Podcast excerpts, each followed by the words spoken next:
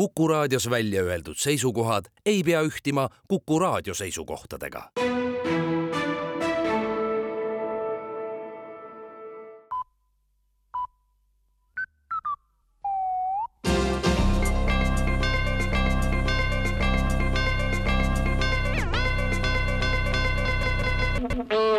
tere kuulama uudiseid stuudios Rohke Develak. Valitsus annab teada, et on Riigikogu tööülesannete täitmiseks otsustanud välja kuulutada riigihanke. vähempakkumises saavad osaleda kõikide Euroopa Liidu riikide parlamendid, kes saaksid Eesti Riigikogu tööd teha allhanke korras. selge on, et meie Riigikogust ei ole enam töötegijat ning kolm ja pool aastat on vaja siiski üle elada ja hulk olulisi seadusi vastu võtta mõne teise riigi parlament saaks menetleda tundlikke seadusi ka oluliselt vabamalt, ei seoks neid vanad tülid ja vaenud ja soov oponendile ära panna, puuduks lubaduste taak ja ei kollitaks ka ammused ebaõnnestumised. kui riigihange uue Riigikogu leidmiseks õnnestub, hakkavad asjad Eestis taas liikuma juba enne kevadet riigi Statistikakeskuse andmetel on aga Eestis hetkel sada üksteist tuhat kakssada seitsekümmend kolm inimest, kes elab üle oma võimete viimase kahe kuu jooksul on üle oma võimet elavate inimeste arv võrreldes möödunud statistilise perioodiga kasvanud enam kui kolmkümmend seitse protsenti.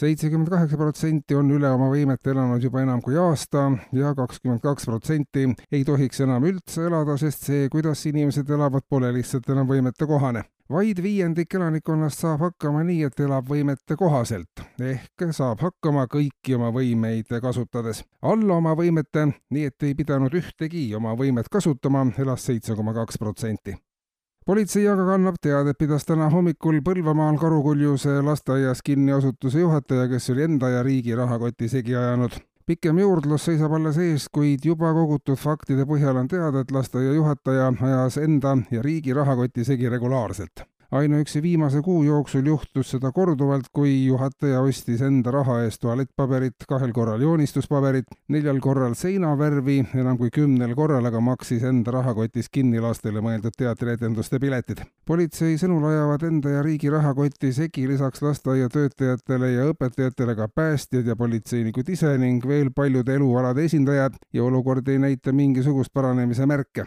paljud poliitikud on sunnitud tõdema, et ei suuda protsessist aru saada ja seetõttu pole ka seni midagi suudetud ette võtta ja lennundusest. päästeamet sai täna varahommikul teate Piirissaarelt, kus kohaliku lennundushuvilise kalur Heldver Joogase juhitud deltaplaan tegi hädamaandumise vahejuhtumi asjaolusid uuritakse, seni ei ole teada, kumb häda täpselt maandumise põhjustas, sest lennuhuviline oli juba edasi lennanud. spetsialistide sõnul aga ootavad teda varem või hiljem ees uued hädad ja siis saab pilt ka selgemaks. kuulsite uudiseid